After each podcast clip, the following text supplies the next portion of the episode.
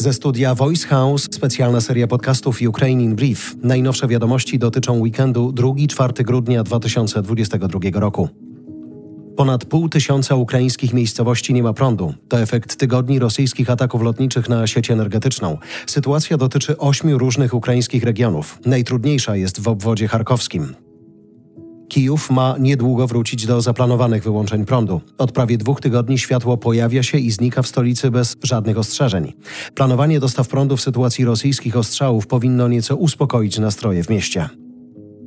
W mieszkaniach w okupowanym przez Rosjan Mariupolu jest mróz, alarmuje lokalny urzędnik lojalny wobec Kijowa.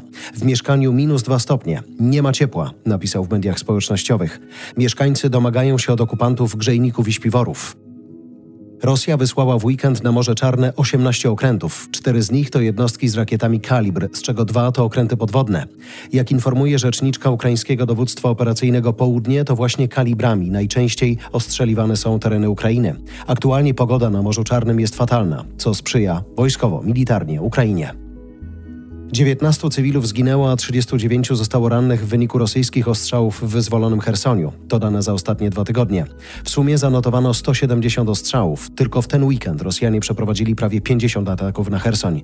Zginęła jedna osoba, a dwie zostały ranne.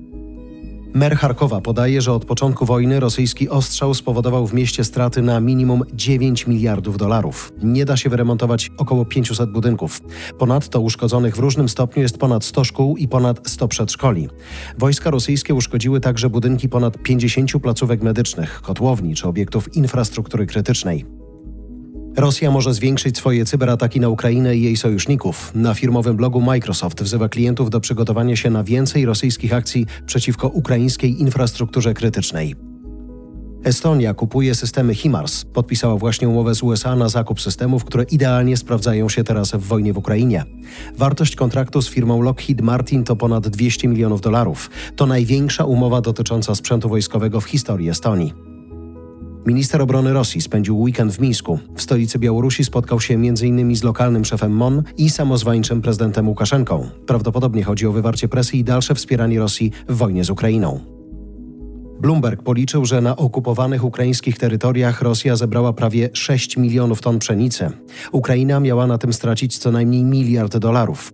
Bloomberg zbadał to i policzył na podstawie zdjęć satelitarnych zrobionych przez NASA w ramach programu bezpieczeństwa żywnościowego.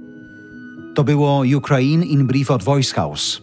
Kierownictwo produkcji Dorota Żurkowska. Redakcja Agnieszka Szypielewicz. Dystrybucja Olga Michałowska. Dźwięk Kamil Sołdacki. Redaktor naczelny Voice House Jarosław Kuźniar.